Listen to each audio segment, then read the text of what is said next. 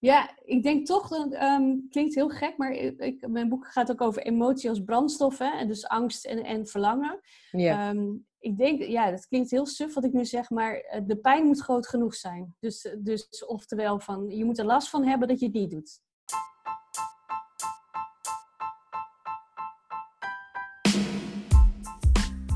Welkom bij Getting Comfy With, de podcast voor en over communicatiemensen. Comfy in de titel is een samentrekking van communicatie en koffie.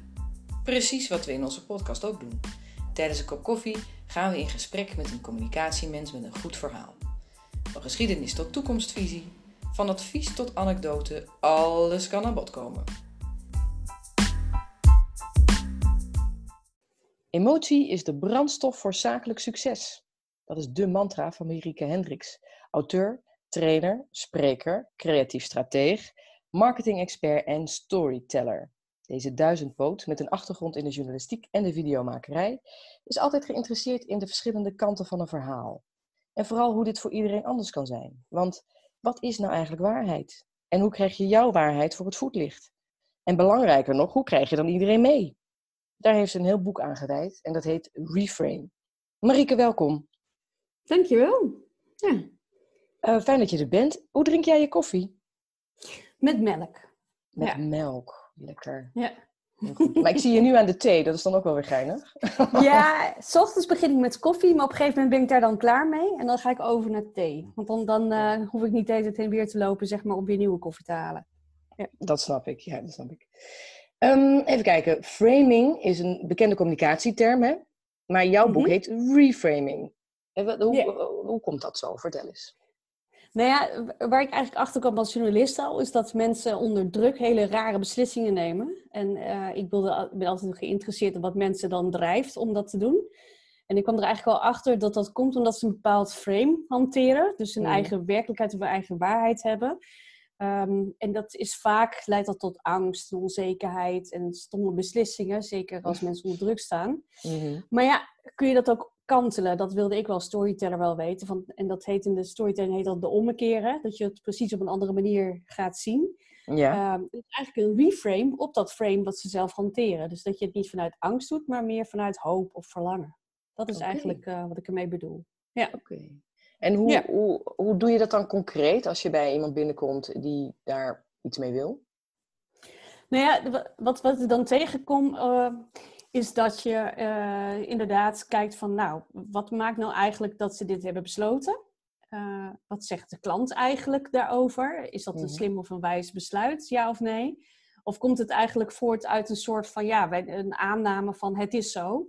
En, en zou je dat gewoon niet scherper kunnen formuleren? Dus ik geef ze eigenlijk inzicht van, hé, hey, je bent op dit punt gekomen. Je de- kijkt er zo naar, maar je zou het ook zo kunnen bekijken. En ga nou eens Mhm. in gesprek met je klanten om te zien waar je relevantie daadwerkelijk ligt. Mhm. Ehm, zodat je een nieuw frame op die werkelijkheid kan hanteren waar je wel mee vooruit kan. Ehm, om een voorbeeldje te geven, ik had samen met een collega een klant, dat was een, een trainingsinstituut. En die zeiden, ja, jullie moeten maar uitzoeken waarom er geen mensen meer in onze klasjes komen. Nou, toen zei ik van, heb je je klant wel eens gesproken waarom dat dan zo is? Nee, nou dat hadden ze niet. Maar ze hadden aannames dat klanten dat toch wel weer wilden. En ze Mm. hadden ook allemaal langlopende contracten. Dus ze konden ook niet zomaar van elkaar af. Maar het bleek dus eigenlijk dat die vraag gewoon veranderd was. Dus eh, de boodschap was eigenlijk van... hé, hey, je denkt dat je klanten dit willen, maar ze willen eigenlijk iets anders. Dus misschien moet je je aanbod herinrichten. Dat was Ja, ja. eigenlijk eh, hoe je dat dan kan doen. Ja. Maar, eh, Ja. Hoe vaak kom je dat tegen, dat, dan, dat mensen niet met hun klanten praten?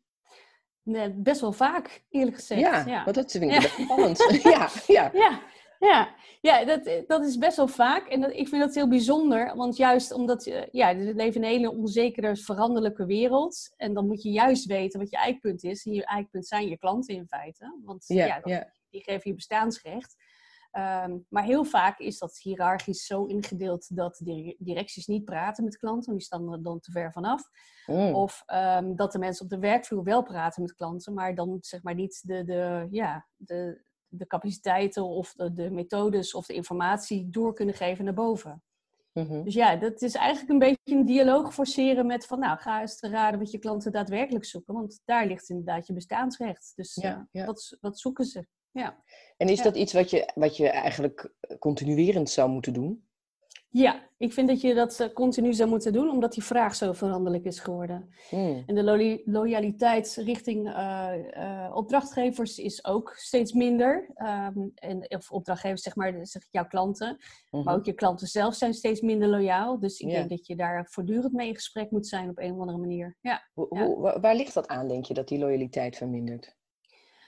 Uh, dat ligt aan dat er heel snel concurrentie opkomt, um, uh, die bepaald stukje zeg maar, eruit haalt en die dat heel slim inricht. Bijvoorbeeld door hele slimme uh, distributie bijvoorbeeld, zoals Amazon uh -huh. dat bijvoorbeeld heeft gedaan. Ja. Um, of bijvoorbeeld als het gaat om recruitment heb je bureaus die zo heel slim zijn om op LinkedIn profielen bijvoorbeeld te vergelijken.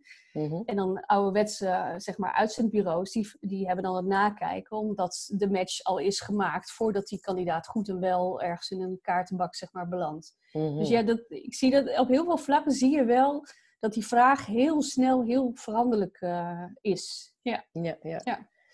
Um, Ja. Hoe zou je dat kunnen inrichten, zo'n zo'n continue reframing? Nou ja, de- daarom heb ik eh, in mijn boek heel veel ruimte gemaakt voor de newsroom. Uh, Ja. En de newsroom is eigenlijk een manier om eh, in gesprek te gaan met je klanten. Dus te zien Mhm. welke informatie ze nodig hebben. uh, en die informatie aan te bieden als service waarop ze eh, besluiten kunnen nemen. Dus daarmee in, in dialoog te gaan met je klanten. En een klassiek voorbeeld inmiddels is het CBS, Centraal Ja. Bureau voor Statistiek. Um, een paar jaar geleden zagen zij dat, dat hun eh, cijfers niet meer geduid werden door journalisten. Dus die werden Mhm. niet meer uitgelegd aan het publiek. Van nou, wat betekent dat dan? Wat betekenen deze cijfers voor die en die groepen? Of welke besluiten zouden je moeten nemen? Dus die hebben zichzelf heruitgevonden. En die zijn zelf als, als eh, duiders van hun eigen informatie gaan fungeren. Dus eigenlijk zijn ze min of meer hun eigen newsroom gaan inrichten. Ja, want Eh, wat is waardoor dat eigenlijk? Want het wordt-. Het wordt, eh, het wordt best wel eh, vaak genoemd. Ik zie ook eigenlijk best wel bij de overheden vooral dat dat een hot item aan het worden is, of al is. Hè? Maar hoe is, ziet zoiets eh, eruit? Wat, wat... Maar nou, wat je eigenlijk doet, is daar waar, waar veel klassieke organisaties die informatiestromen allemaal naast elkaar hebben. Hè? Je hebt dan Mhm. iemand voor, voor de social media, of je hebt iemand die zit op PR, of eh, nou ja, dat. Mhm. Je zorgt ervoor dat dat heel naadloos op elkaar aansluit en dat je één soort centrale redactie hebt, waar langs die informatie wordt geduid, maar ook waar, waar langs die, die signalen worden opgepikt en zeg maar gemonitord en gemeten en ook worden ja, bekeken op relevantie van moeten we hier iets mee, ja of nee. Oké. En Dus hoe, het, is, hoe ver- het is inderdaad een nieuwskamer. Ja, niks meer. Ja, precies. Ja, ja. Maar, maar hoe verhoudt zich dat dan tot een, communicatieafdeling? Hoe kun je dat, nou ja, hoe werkt dat samen? Die, die communicatieafdeling zou daarin een grote speel moeten zijn. Ehm, eh, maar wat je nog wel ziet is dat het heel spannend is. Dus ehm, dat zijn nieuwsroom wordt wel ingericht. Maar die daadwerkelijke omslag van snappen dat je allemaal een schakel bent in die conversatie met die klant. Mhm. Da- daar gaat het nog wel eens mis. En dan zie je toch weer dat er weer hekjes omhoog komen. en Zeg ja, maar daar is de communicatie van. Ja, maar daar is de marketing van. Ja, maar daar is eh, de directie van. Eh, dus dat is, dat is de lastigheid eh in deze. ja. En Mensen hoe kun je willen dat nou graag, doorbreken? Ja. Ja, ik denk toch, dat ehm, klinkt heel gek, maar ik, mijn boek gaat ook over emotie als brandstof. Hè? En dus angst en, en verlangen. Ja. Ehm, ik denk, ja, dat klinkt heel suf wat ik nu zeg, maar eh, de pijn moet groot genoeg zijn. Dus, dus oftewel, van, je moet er last van hebben dat je het niet doet. ja, ja, ja. Om, om, om in Ja. beweging te komen of in een Ja. andere beweging te komen. Ja, oké. Ja, ja, ja. Want Want anders je- gaat, gaat dat niet makkelijk lukken, omdat mensen nou eenmaal heel erg kiezen voor het oude vertrouwde. En dat is een persberichtje maken of, eh, of, of inderdaad eh, ja, een bijeenkomstje organiseren of wat dan ook. Ja, ja. Ja, dus je moet er last van hebben. Want als, als het geen last heeft, dus als je issues eh, niet gaat missen, of als je ziet dat iemand anders het slimmer doet en daar dus op die manier last van heeft, hebt, ja, dan, dan gaan ze mensen toch dit niet zo heel snel doen, denk ik. Nee, Ja. nee. Maar waar begin je dan? Want dan heb je een newsroom. En dat is best wel Mhm. een omschakeling, kan ik me zo Ja. voorstellen. Dat is een behoorlijke omschakeling. Ja, ja. Nou ja, de, waar ik nu werk, zijn we ook bezig met de inrichting van een newsroom. Mhm. En, eh, waar we nu zijn, mee zijn begonnen, is zeg maar de- de, mensen binnen de organisatie vinden die eh, als informatiekanaal zouden kunnen fungeren. Dus Mhm. eh, eigenlijk stel je min of meer je eigen presentatoren zeg maar, vast op die Ja, manier. ja. En je kijkt ook langs welke kanalen je die kan wegzetten. En dat zeg ik heel plat, want dat is heel plat. Ehm, dus zeg maar hoe je dan die conversatie kan voeden. En, want dat heeft ook weer direct impact, zien wij ook, op onze reputatie. Van hé, hey, ik heb die en die gezien. Dus je, je, geeft eigenlijk je bedrijf een gezicht op die manier. Ja. Ehm, en dat is heel slim, want dat, dat doen uh, newsrooms natuurlijk ook. Uh, kijk maar naar een Eva Jinek, dat is een persoonlijkheid. Ja. Uh, en, en dat wordt bijna een merk, zo ongeveer. Ja. Ja dus dat, dat, dat is ontzettend slim om op die manier te doen. Um, en de uitdaging zit dus in koudwatervrees. En de, ook daar hebben wij bij APG, waar ik nu werk, ook wel last van. Ja. Dus van ja, het is af en toe toch best spannend dat iemand dus dingen zegt. Want nieuws moet wel nieuws zijn. Het moet iets te brengen hebben. En heel vaak zie hand. je toch... Nee, je hebt het niet in de hand wat er daadwerkelijk mee gaat gebeuren. Dus je moet een goed verhaal hebben. Daar moet je goed over hebben nagedacht. Uh, van, van hoe je die conversatie, want het is tweerichtingsverkeer, die dialoog ook blijft voeden. Ja, ja. Uh, en dat is, dat is denk ik nog voor, voor zeker veel grote organisaties heel lastig. Ja. Uh, hoe je daar dan grip op blijft houden en ondertussen ook de ruimte geeft om dat uit te bouwen. Dus daar zit een soort evenwicht. Ja. En ik denk dat de sleutel... staat of valt. Ja, sorry. Ja? Ja, zit... En waar zit de sleutel dan? De sleutel zit bij, um, ja, dat klinkt heel plat wat ik nu zeg, maar dat zit bij een directie die zegt: dit gaan we doen. Ja, precies. En het ook durven laten. Dat mensen ook op hun eigen hout, of op hun eigen houtje, ja, eigenlijk wel, naar buiten nou komen. Ja, zoals elke uh, nieuwsroom, daar hoort bij een format. Hè? Dus een bepaalde vorm van waar gaan we wel over, waar gaan we niet over. Dus waar, waar springen we op in, wat laten we liggen. Um, daar hoort ook bij vorm die je daarvoor hebt. Bijvoorbeeld van doe je het in een podcast of uh, heb je een uitzending of, uh, of heb je bepaalde events. Dat is een beetje afhankelijk van de branche waarin je binnen opereert. Ja. Um, maar er moet wel een noodzaak zijn om te communiceren met je klant. Ik bedoel, als je toch al weet van ja, het uh, blijft altijd zoals het al was, ja, dan hoef je mm -hmm. dit ook niet te doen. Mm -hmm. Dus de, ik denk dat CBS daarin een goed voorbeeld is, omdat ze snapten van hé, hey, onze informatie is alleen maar relevant als we het zelf gaan duiden. Ja. Uh, want daarmee kunnen we een relatie aangaan met onze klanten. En kunnen we laten zien dat wij niet alleen maar cijferboeren zijn, om maar ja, te zeggen. Ja, ja. Maar ook daadwerkelijk van, van waarde zijn voor, voor uh, Nederland en voor onze stakeholders. Dus ja, ja daar, daar, zit echt wel de bonus. Ja, ja. ja. Uh, eh, want dat is wat het oplevert uiteindelijk, dat je, dat je die dialoog hebt. Of dat je. Want eigenlijk heb je wel erg, erg, in de hand wat je dan naar buiten brengt. Of, hè? Ja, tuurlijk. Want je, ja. Als, je, als, als je heel duidelijk hebt van daar zijn we wel van, daar zijn we niet van, dit zijn onze uh, boodschappen, daar springen we wel in, daar springen we niet in, dit is de vorm die erbij hoort, uh, zo hebben we het georganiseerd. Mm -hmm. Dus de, de workflow die daar ook bij hoort, dus je bijvoorbeeld een redactieraad hebben, die zegt van nou, dit zijn wel of niet uh, onderwerpen voor ons. Uh, dit zijn onze langetermijn onderwerpen. Dus het is een contentkalender die daarbij hoort. Maar ook van, nou, die gaan we wel over, hier gaan we niet over. Um, ja, hier mag je ons op afrekenen of juist niet. Nou ja, het, het is heel bazaal, maar het, het ja. staat of valt gewoon met goede afspraken. Ja, ja. ja. En het vereist veel voorwerk, als ik het zo hoor. Ja, als je, het, als je het goed hebt voorbereid en goed hebt neergezet, ja, dan kan je zeg maar en elke issue uh, zo snel mogelijk duiken als je wil. Ja. Ja, ja. ja. Ik hoor je net zeggen, uh, het gaat om reputatie, hè? maar ik zie ook op de achterflap van jouw boek perceptie, receptie, ja. perceptiemanagement. Wat is daar, hoe verhoudt zich dat tot elkaar? Nou ja, um, het is een beetje klassieke communicatiekunde natuurlijk. Is van, van, je kan wel zeggen uh, dat je iets bent, maar je moet het ook waarmaken. Dus mm -hmm. En, en daarom is die dialoog zo van belang. Je moet laten zien dat je het ook daadwerkelijk doet. Mhm. Want zo voed je dat ook. Dus het gaat, uh, dat, ja, waar je relevantie ligt, dat resoneert in feite. Dus dat, mhm. daarmee krijg je ook aandacht. Um, en dat heeft alles te maken met hoe andere mensen jou waarnemen. Dus zien, zien, ze jou doen wat je zegt dat je doet? Of is mhm. het eigenlijk een beetje voor de bühne en verder ook niet? Dus ja, daar, daar zit een soort wisselwerking in. Ja. Uh, want ja, we geloven nu eenmaal graag onze eigen peers, dus uh, mensen net zoals wij. Ja. Uh, dus als, als jij roept van ja, daar zijn wij de beste in, of wij van WC Eend adviseren WC Eend, maar, je, maar je, doet het, je doet het vervolgens niet, ja, dan heeft het niet zoveel zin om een nieuwsroom op te tuigen. Want dan is nee. het leuk, dat is een leuk speeltje, om maar zo ja. te zeggen. Maar dan is het binnen de kortste keren is het ook eindig. Ja. Ja, ja. ja. Hoe ga je daarmee om als je binnen een bedrijf komt waarbij het eigenlijk een soort sausje wordt Ja, dat, nou ja dat, je ziet dat natuurlijk niet gelijk. Want uh, er zitten meestal wel mensen bij die heel erg betrokken zijn en heel graag willen. Ja. En het is een beetje afhankelijk van de dynamiek binnen zo'n organisatie. Dus dat zijn altijd mensen natuurlijk. Van of het daadwerkelijk dan tot stand komt, ja of nee. Ja, ja, ja. want het raakt ook wel weer aan, aan verandermanagement bijna. Ja, ja, ja, ja, ja. Dat, dat heeft er zeker mee te maken. Dus um, sommige dingen lukken dan wel, sommige dingen lukken dan niet.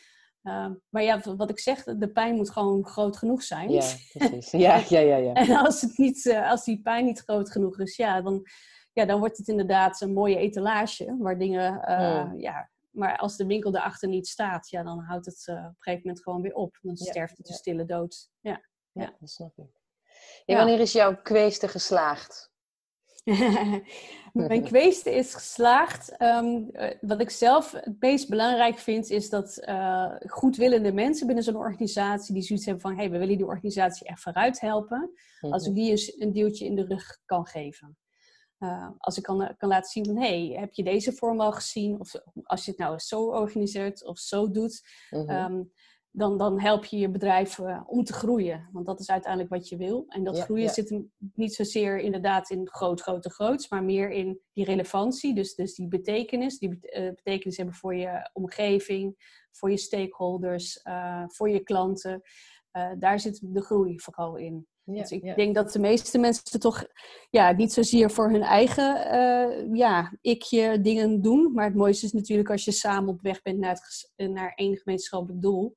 Mhm. en, en wat ik eigenlijk betoog met dat boek Reframe is dat ja, eh, in de loop van de tijd als dingen spannend worden of mensen onzeker raken, mhm. ja, dan gaan ze toch dingen vanuit angst doen. En dat is ontzettend jammer. Ja. Ja, ja. En dan is mijn kweeste geslaagd als uh, mensen zien, oh, maar dat is helemaal niet waar wat ik denk. Het is waarneming die mij nu in de weg staat. En ik kan het ook andersom zien. Ja.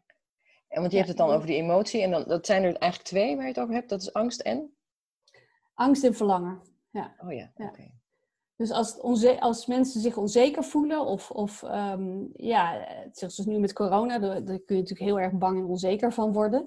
Mm ja, dan zijn er eigenlijk twee reacties. Uh, de ene is angst, dus uh, het, het, uit de weg gaan of vooral ervoor weglopen. Kop in het zand. Um, kop in het zand. En de andere is verlangen. En verlangen is denk ik de motor, en daarom zeg ik wel emoties de brandstof, om wel tot een collectieve actie te komen. Mhm. en, de angst, en de angst maakt meer dat je ja, maar blijft vasthouden aan hoe de situatie nu is. Maar ondertussen verandert die wel. Ja. Maar dat is best ingewikkeld, want, want als je kijkt naar onze maatschappij, zit daar best wel meer angst gebaseerd in dan verlangen gebaseerd. Ja. ja. Hoe, hoe kunnen we dat een beetje doorbreken? Ja, nou, ik denk dat je, dat je die, die hoop zeg maar groter moet maken dan dat die angst is. Dat je die angst moet mm. verkleinen en moet laten zien van ja, is dat waar wat je nu zegt? Of is dat gewoon jouw manier van kijken daarnaar? En, en welke bewijsvoering heb je daar dan voor? Dus geef mensen inzicht waar ze daadwerkelijk voor staan. En laat ook zien waar ze zichzelf uh, in de weg zitten. Want vaak is het dat. Dus het zijn vaak aannames van, uh, ja, dat mag bij ons niet. Of dat kan helemaal niet. Of, ja, uh, ja maar mijn baas weet. moet het ja. maar doen. Nee, terwijl je het helemaal niet weet. Want je hebt dat gesprek nooit gevoerd met die klant om maar eens één te noemen. Ja, mhm. en, en als je weet van oké, dit staat ons in de weg, wat is het dan wat ons verbindt? Dus waar zouden we dan eigenlijk naartoe willen? En ik denk dat de mhm. meeste mensen toch uiteindelijk wel voor een betekenisvolle organisatie willen werken. Die een doel heeft waar je warm voor loopt. Ja, ja, ja. ja dat hoor je wel dus heel veel, hè, betekenis. Ik vind dat altijd een ingewikkeld ja. Eh, begrip, want wat is dat nou? Ja, ja. Nou ja, dat, het is misschien ook heel bazaal om het dan maar weer zo te zeggen. Dat is een ander verder helpen bijvoorbeeld. Ja. Ja, dus, dat hoeft niet heel groot te zijn. Dus nee, dat hoeft niet heel groot te zijn. Het kan ook je collega's helpen zijn of het kan je klanten verder helpen zijn. Ehm, ik had daar laatst met denk een rondje interviews onder uh, medewerkers bij APG van nou, waarom werk je nu eigenlijk hier? Ja, ja goede vraag. Een hele simpele vraag. Nou ja, en toen zei iemand van de klantencontactcentrum, uh, die hebben dan vaak mensen aan de lijn die gepensioneerd zijn, die bang zijn voor, voor zeg maar ja, hun pensioen en of dat wel mm. doorbetaald wordt en hoe dat nu zit met COVID en dan, uh, ja, of het dan uh, nog minder wordt of dat er gekort gaat worden. Ja. Hij zei van ja, voor mij is mijn dag al goed als ik een paar mensen heb kunnen antwoorden van hey, we zijn ermee bezig en dit en dit uh, komt eraan of dit komt er niet aan, maar dat ik ze duidelijkheid heb kunnen geven. Ja. ja. Dus en kom, je dan misschien... ook medewerkers tegen die zeggen, weet ik veel, waarom ik hier zit? Nee, ik hoop Of ik zit hier voor het geld, of weet je. Ja, Niet, niet, ja. niet per se bij jouw werkgever hoor, maar in, eh, in het Nee. algemeen. Ja, die zijn er ook. Ja. Ja. Maar de vraag is of je dat als organisatie zou moeten willen. ja. Ja, Ik, ja. ik, ik denk echt van de- dat wat je doet, dat resoneert in- in de buitenwereld. Dus als, er, als jij mensen hebt zitten die er alleen maar voor het geld eh, eh, zitten, Mhm. Dan denk ik, ja, dan, dan ben je misschien werk je bij een hedge fund of zo, of een, eh, een investeringsmaatschappij, of ik weet het niet. Maar de vraag is, ehm, ja, of je dat soort mensen, eh, ja, zo'n nieuwsroom zou moeten laten runnen. Ja, Ja, het precies. is niet aantrekkelijk, precies. lijkt mij. Voor- Nee. Ja. Nee. Ligt Nee. aan wat je doel is natuurlijk. Het ligt eraan wat je doel is. Als Ja. het, eh, ja, dat klopt. Dus het hangt ook een beetje van de doel, je doel van je organisatie af. Maar ik denk wel dat als, als dat je, je, ehm, ja, je korte termijn blik is, zeg maar, op de Mm. toekomst. Ja. Ja, ik denk niet dat je wint aan aantrekkingskracht. Ja, Nee, en, dat, en daar zit ook wel een verschuiving in, denk ik. eh, ja, Ja, dat, eh, ja. Daar heb je het weer over betekenis, dat je van betekenis Ja, bent. Ja. ja omdat, omdat je inderdaad steeds meer ziet dat niet zozeer producten ehm, eh, ja, maken dat mensen iets bij je kopen, maar vooral de service. Als Ja, je service bagger is, en, dat, en daarvan ook die nieuwsroom, als die service echt heel slecht is, ja. ja, dan, dan, dan hol je achteruit juist in dat, eh, ja, die reputatie, maar ook in van ja, je zou daar niet moeten kopen, want dat is echt heel slecht. Ja, ja. ja, ja, dan moet je voor goede huizen komen om dat nog recht te trekken. Ja, ja, ja. En, dat, en dat lukt misschien op korte termijn, hè? Met, Ja. met inderdaad iets flashies en een mooie campagne of wat dan ook. Mhm. Maar uiteindelijk ben je toch spekkoper, denk ik. Ik denk niet Ja. dat dat soort organisaties ehm, juist in, in deze veranderlijke wereld eh, het bestaansrecht eh, hebben. Nee, want eigenlijk gaat het daarom, dus mooi dat je het zegt, bestaansrecht. En Ja, dat gaat natuurlijk ja. zit op een ander niveau dan eh, communicatie of reputatiemanagement. Ja, ja, ja. Het, het gaat om, zeg maar, van, is dit een bedrijf waar je zou willen werken? Of waarvan je zou willen kopen? Of eh, waarvan je fan zou willen worden? Ja. Of ehm, waar je desnoods ambassadeur voor zou willen zijn? Of zeg je van, ja, het is alleen maar bezig met inderdaad korte termijn, eigen belang, enzovoort, enzovoort. Ja. Ja, ja, precies. Ik bedoel, neem eens een site als Glassdoor bijvoorbeeld. Dan kan je gewoon zien wat anderen zeggen over bedrijven. Ik ken Eh, het helemaal die- niet. Wat is dat? Ja, Glassdoor is een, eh, ehm, een, een site waarop je kan zien wat de mening is van werknemers van, over bepaalde bedrijven. Het is een beetje dus zeg maar de, fork, maar dan voor Ja, ja, het ja. restaurantwezen.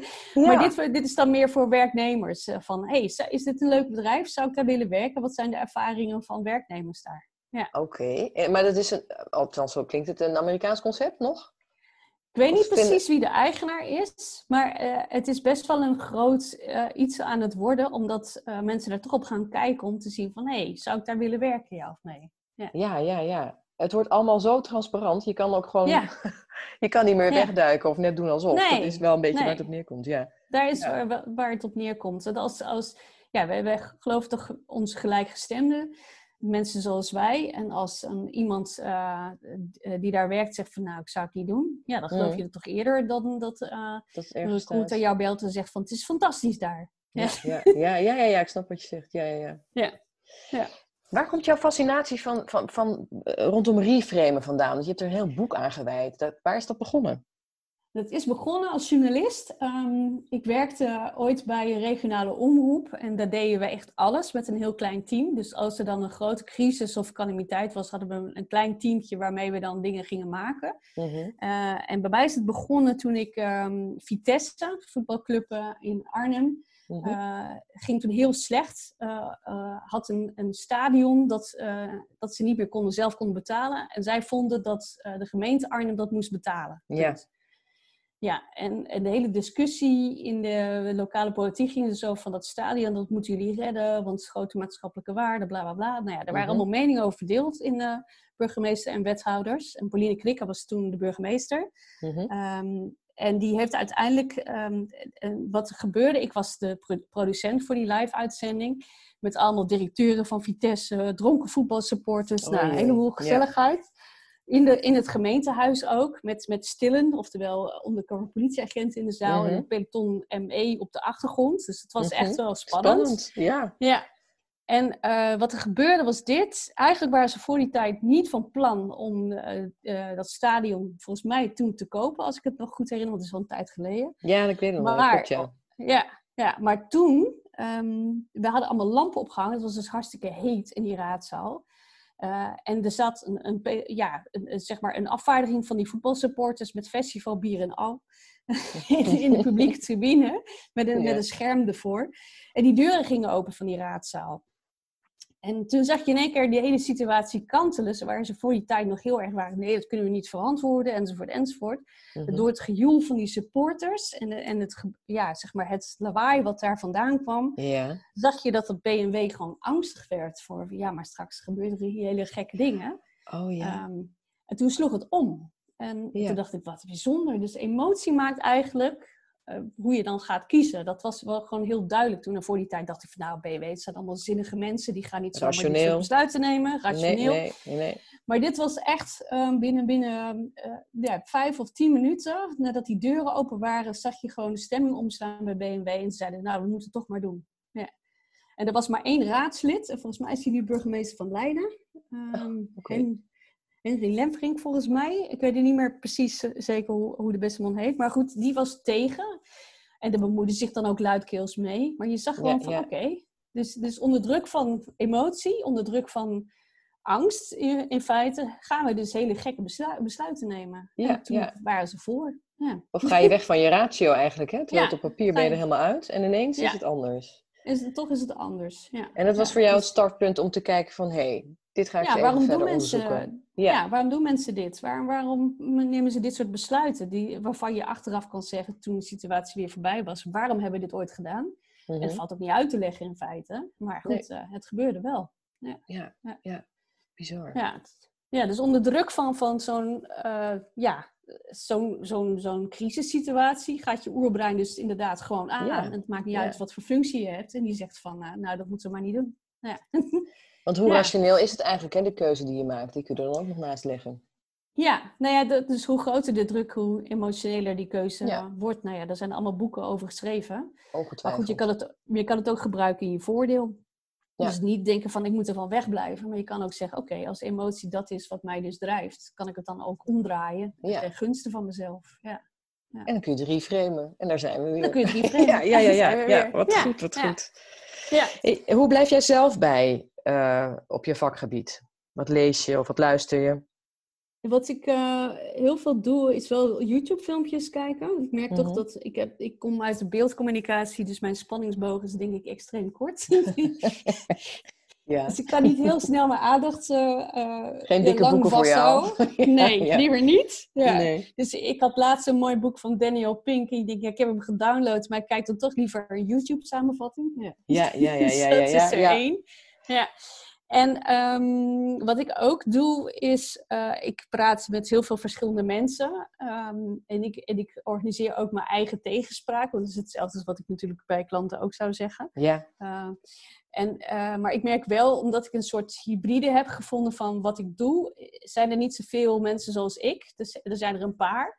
Uh, en, dat, en dat maakt uh, ja, dat het soms uh, een beetje als koploper of voorloper voelt. Dus dat is af en toe wat lastig. Uh-huh. Dus ik zorg af en toe wel goed voor dat ik goede sparringspartners vind. Ja. waar ik dan goed mee in gesprek kan gaan van... hé, hey, hoe doe jij dat? En ik heb gelukkig wel een aantal mensen gevonden waar ik dat goed mee kan. Oké. Ja. En wat bedoel jij met een, een hybride... Hoe noem je nou ja, ik, ik, ja, ik, ik ben en storyteller natuurlijk. Mhm. en, ik, en ik doe wat met marketing. En ik doe wat met design thinking. En ik doe wat zus en zo. Dus ik kijk vooral naar van wat, wat heb ik nodig uit mijn toolbox. En wat kan ik nog niet. En dat wat ik nog niet kan, dat vind ik altijd interessant om dan toch te gaan leren. Ja, ja, ja, ja. ja, ja. En daar zoek je en voor mij is bij. bijvoorbeeld... Ja. ja, daar zoek ik mensen bij. En voor mij is dat vaak iets met expressie. Dus iets maken. Mhm. Waardoor ik het doorleef in feite. Mhm. Ehm, en dat was dat boek ook voor mij. Want het, het zijn, dat boek is eigenlijk een optelsom van workshops en trainingen die ik dan eerder heb gegeven aan hele verschillende opdrachtgevers. En dat is dit uh, eruit gekomen. Dus uh, waardoor het ook mijn verhaal is geworden. Ja, uh, ja. En, en ik het dat ook hopelijk weer door kan vertellen. Ja. ja, ja. Hey, En wat is het, het beste advies wat jij zelf ooit hebt gekregen van iemand? Het beste advies wat ik zelf ooit heb gekregen van iemand. Uh, jeetje, moet ik eens even nadenken. Want ik heb heel veel goede adviezen van mensen gehad. Ja. Uh, het beste advies wat ik ooit heb gekregen van iemand.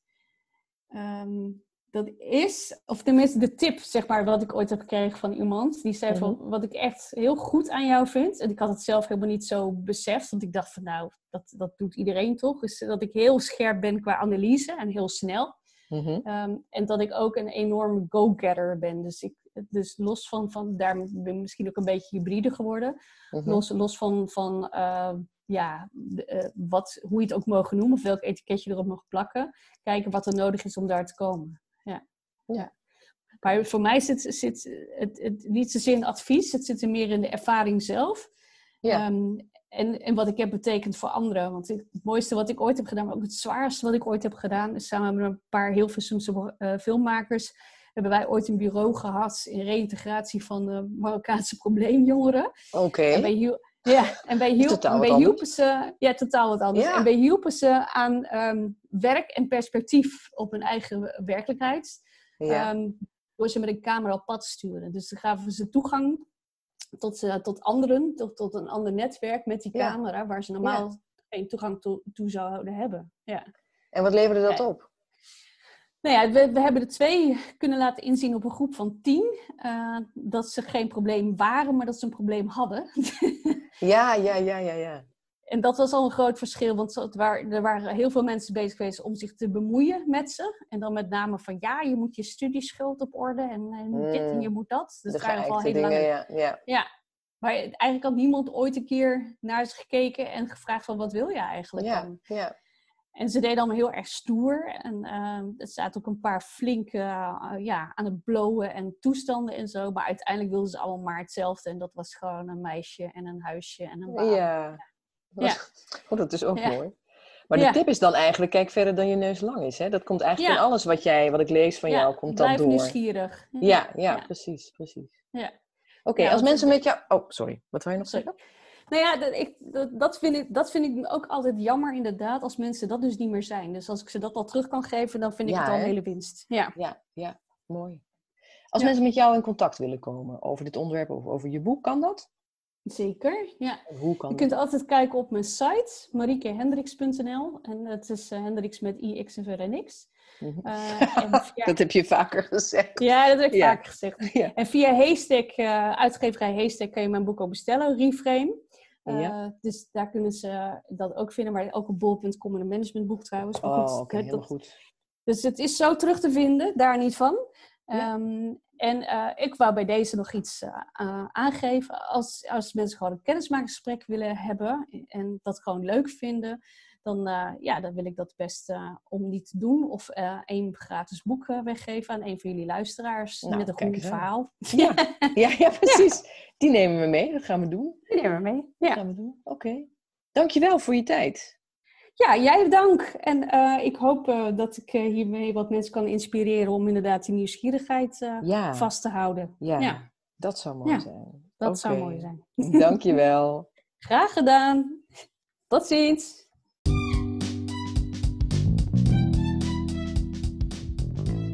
Dankjewel dat je hebt geluisterd. Wil je nou ook een keer koffie drinken en praten over het vak? Graag! Kijk even op futurecommunication.nl en neem contact op. Dat mag trouwens eh, met of zonder microfoon hoor, dat gesprek. Tot de volgende keer weer.